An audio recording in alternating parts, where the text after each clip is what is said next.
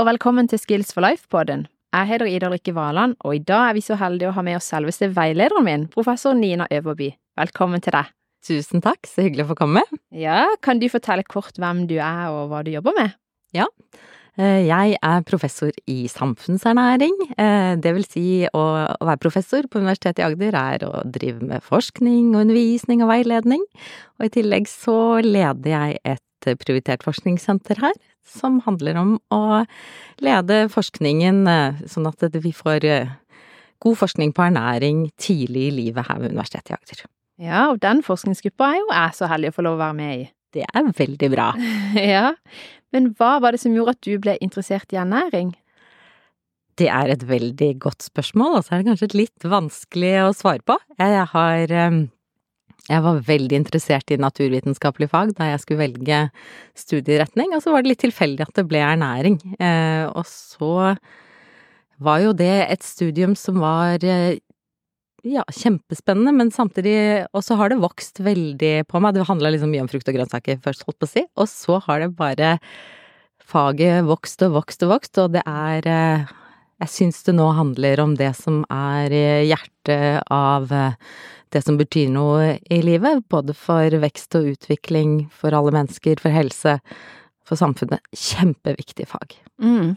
mm. Ja.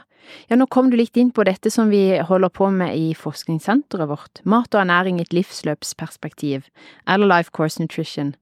Eh, kan du si litt sånn eh, overordna om forskninga, hva du, hva du vil trekke frem som skjer i senteret? Ja, det er et forskningssenter som har 30 eh, Ehm, aktive forskere. Det vi forsker på eh, først, betydningen av mat tidlig i livet. Det vil si på en måte hva betyr hva slags type mat man spiser, i hvilke omgivelser man spiser de, osv. for helse nå og senere i livet. Vi er særlig opptatt av de første tusen dagene, mm. det vil si fra unnfangelse til barnet er ca. to år. Da vet vi at det er en enorm vekst fra to celler til man er ca. 12-13 eh, kilo, ikke sant, hvor mm. alt egentlig bygges av, av mat, og viktig hva man har, eh, hva man spiser. Og så forsker vi på hvordan, ikke bare på betydningen, men hvordan man kan fremme gode vaner i dette bildet.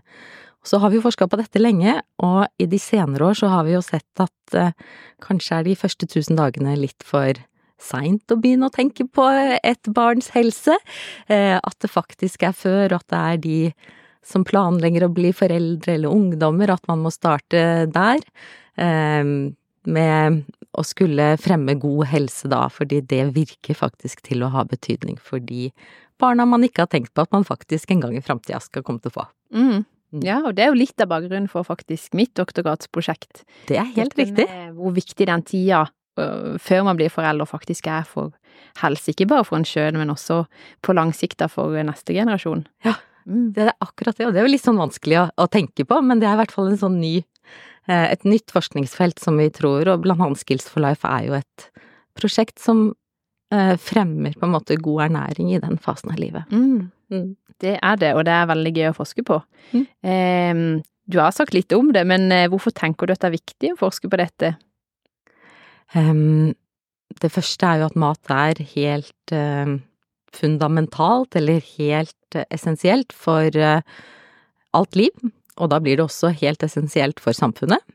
Um, så, og da er det viktig å finne ut av hva det er som er de viktige faktorene i mat, som, som kan gi god helse, for vi vet Det andre er at vi vet at et usunt kosthold, det kan være skadelig, eh, og en vet i dag Vi hørte jo akkurat på et eh, innlegg her for ikke så lenge siden hvor man eh, har sett at å spise et usunt kosthold, det, eller det vet vi jo godt at det er de viktigste risikofaktorene for et for, for tidlig død og sykdom, det, mange av de faktorene skyldes kosthold. Mm. Det er faktisk sånn at uh, hvert år så dør på verdensbasis åtte millioner uh, mennesker uh, for tidlig av usunt kosthold. Det er ca. befolkningen til London, eller storbyen mm. London, som hvis man hadde fulgt kostrådene, ville man kunne forhindre det. Så mm. det er jo kjempe, et kjempeargument for å skulle forske på hvordan man kan fremme gode matvaner. Mm. Mm. Ja, og som vi ser så er det jo mye lettere å forebygge enn å reparere når en først har blitt Altså, død kan jo ikke redde, men når, hvis en har blitt syk, da, eh, så er det jo mye billigere eh, og mer effektivt å forebygge ved hjelp av god, eh, god ernæring tidlig, Helt eh, sant. istedenfor å reparere alle disse sykdommene man får som følge av dårlig kosthold. Helt riktig. Mm. Veldig bra. Eh, men mange kan jo synes at det er veldig vanskelig med kosthold, og strever med å spise sunt. Hvorfor tror du det er sånn?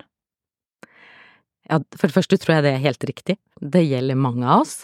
Eh, jeg eh, Det er mange eh, grunner til at det er sånn. Det ene handler jo om hvem vi er som personer. Hva vi kan, hva vi har lært, hva vi eh, mestrer. Eh, også selvsagt hvilke sånne individuelle faktorer vi har med oss fra vi selv har ligget i mors liv, på en måte. Men, men det å skulle eh, Det handler Det er én ting, men så handler det jo også om på en måte om om det tingene rundt oss. Eh, Vi kaller at Eller det blir ofte beskrevet at vi lever i et fedmefremmende samfunn. Altså vi, det er Altså matomgivelsene våre er sånn eh, at de eh, gjør at vi tar At det er enklest å ta dårlige valg. Det er på en måte pøses mest penger inn i matvarer som ikke er gode for oss, eh, som man reklamerer for, som står lett tilgjengelig, som det er store, gode farger på, ser Mm. veldig godt ut, har jobba mye med at skal smake godt og så videre. Eh, Så det er på en måte Omgivelsene jobber mot det å skulle ta gode valg. Mm. Det er noen av grunnene i hvert fall til at det er vanskelig. Ja. Mm. Og så handler jo selskap sånn som det å skulle i Skills for Life, eller det å skulle bli, være student og komme eh, for første gang på et nytt kjøkken videre, eh, hvis du ikke har matlagingsferdigheter, Mm. eh, og hvis du aldri egentlig har satt opp en handleliste eller sånn, så er det jo selvsagt Ja, det sier seg jo Ja. Ja, det sier seg jo nesten sjøl. Og det er jo mye lettere å bare gå og kjøpe noe ferdig enn å skulle kokkelere, og da må du jo planlegge å handle inn, og så er det alle disse leddene på veien da fra eh, fra du står der sulten og faktisk kan putte noe i munnen din. helt sant. Mm. Ehm, men du er med i Nasjonalt råd for ernæring. Kan du si litt om hva rådets rolle er, og hva det innebærer å være med der? Ja, det kan jeg. Eh, Nasjonalt råd for ernæring har en sånn lang historie egentlig fra eh, etterkrigstida, hvor man har hatt et eh, råd i Norge hvor man skulle gi støtte myndighetene til hvordan eh, man skal gi kunnskapsbaserte råd. Og det er det vi fremdeles i dag gjør. Vi er et fagorgan eller et fagråd som gir myndighetene kunnskapsoppsummeringer, og det kan være at Helsedirektoratet for eksempel får det er noe de lurer på, så kan dette rådet hjelpe til med å utvikle kunnskapsoppsummeringer. Det kan være det. Vi har blant annet jobbet med bærekraftig kosthold og sett på det, sett på fettkvalitet. Um, og, og mange ting underveis. Og så kan vi også, vi har også lov til selv å initiere oppgaver som vi mener at vil være bra for befolkningen. Mm. Så spennende. Ja, det er en spennende ting. Ja. Um, jeg har hørt påstander om at myndighetene gir kostråd som på en måte skal støtte opp om norsk matproduksjon, og ikke nødvendigvis eh, råd for bedre helse. Hva tenker du om sånne påstander? Kan vi stole på kostrådene? Ja, man kan stole på kostrådene. Jeg har vært med på flere av, eh, av bakgrunnsarbeidene til, til kostrådene, og det handler om å samle eh, den vitenskapen som vi har per dags dato. Mm. Veldig sånn systematisk og, og ryddige gjennomganger. Så det kan man.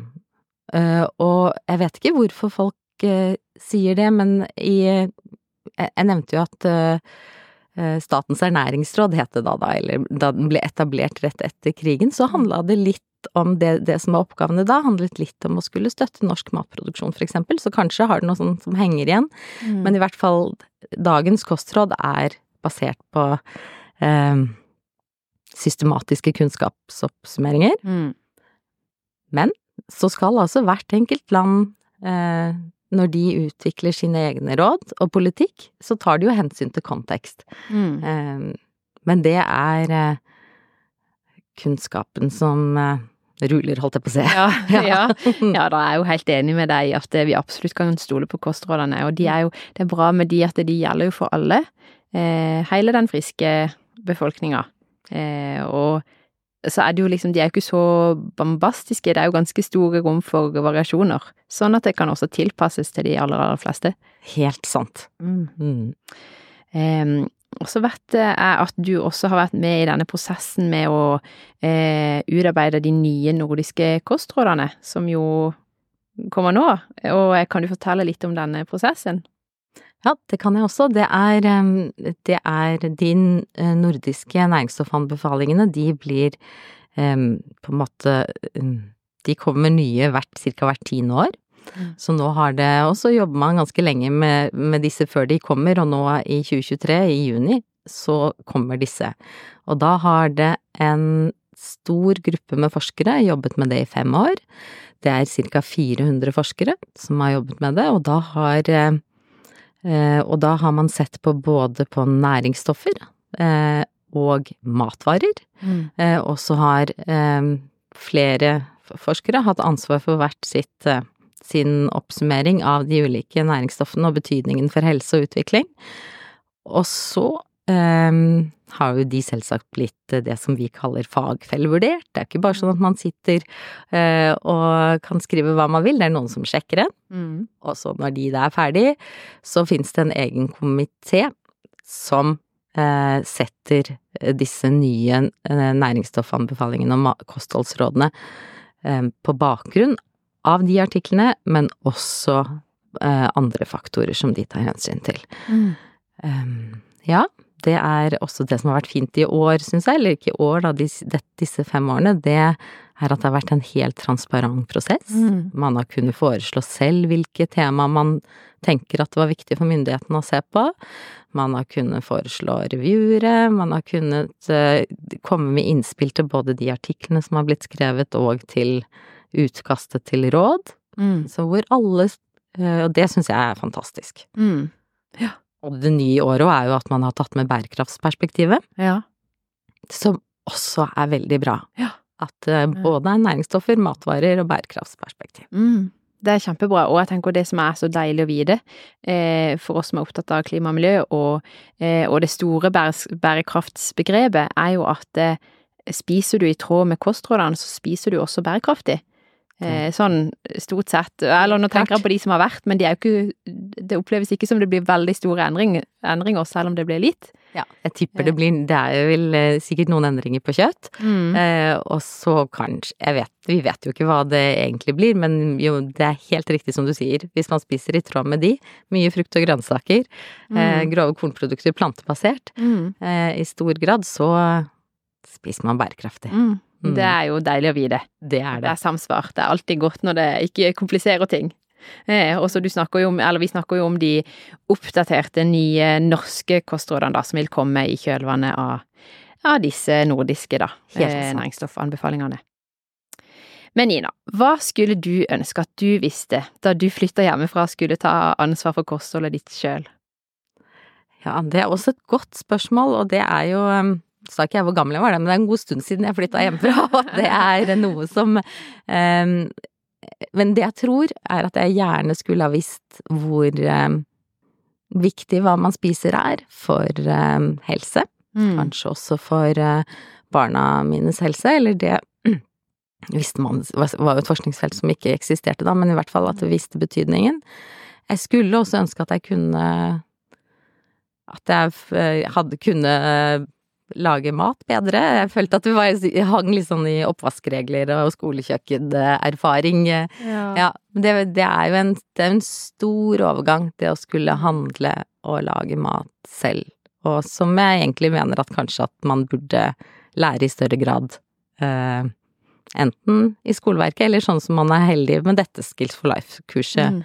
Ja. At man får den type opplæring, ja. Jeg er helt enig, og jeg tror det er mange som kjenner på det at eh, Søren òg, jeg, jeg, jeg, føler meg litt sånn utrygg her, og, og det, der, det, er et stort ansvar, faktisk. For dette, det er mat skal man ha liksom flere ganger til dagen, det tar aldri slutt. Og man skal ha penger til det, og man skal prioritere det, man skal ha tid. Man skal liksom planlegge handling, finne gode oppskrifter til ting man liker. For maten er jo heller ikke sunn hvis den ikke blir spist. Helt riktig. Mm. Så godt sagt. Jo, men ja. det er helt sagt, og det er jo det er en stor prosess. Det er jo mange, ikke sant, man tar 200 valg knytta til mat hver eneste, eneste dag. Ja. Og da må man jo være bevisst på Ja. det. Ja, absolutt. Så hva er det aller viktigste rådet som du vil gi til ferske studenter, da, når det gjelder eh, mat og kosthold? Ja. Hvis det er ett råd, så tror jeg at det handler om at en bør forberede seg litt. Mm. Man, man forbereder seg på å flytte, man forbereder seg på at man skal på et nytt studiested, men kanskje forbereder man seg ikke på at man faktisk skal um, starte et nytt liv hvor man bestemmer hva man skal spise, hva man skal uh, handle, hvordan man skal gjøre det. Det krever egentlig litt sånn tankegang, kanskje i Mm. forkant, at man vet hva man At man kan forestille seg hvordan det kommer til å se ut på det kjøkkenet, og hva kan jeg klare å få til her? Ja. Og så tror jeg det også handler om å forberede seg eh, til hver uke, for eksempel, at man har en plan på hva det er man skal eh, lage, handle, spise, sånn at man eh, kan bruke pengene sine godt, at man kan eh, få noe man kan eh, like, og at man eh, ikke må kaste for mye mat, for eksempel. Mm. Jeg tror mye ligger i forberedelse. ja. Mm. Det var veldig godt råd, som jeg tror kan gjelde på mange punkt i livet, men kanskje spesielt på det som vi er opptatt av, som er mat og ernæring. Mm. Tusen takk for at du kom, Nina. Tusen takk for at vi kom med. Veldig gøy.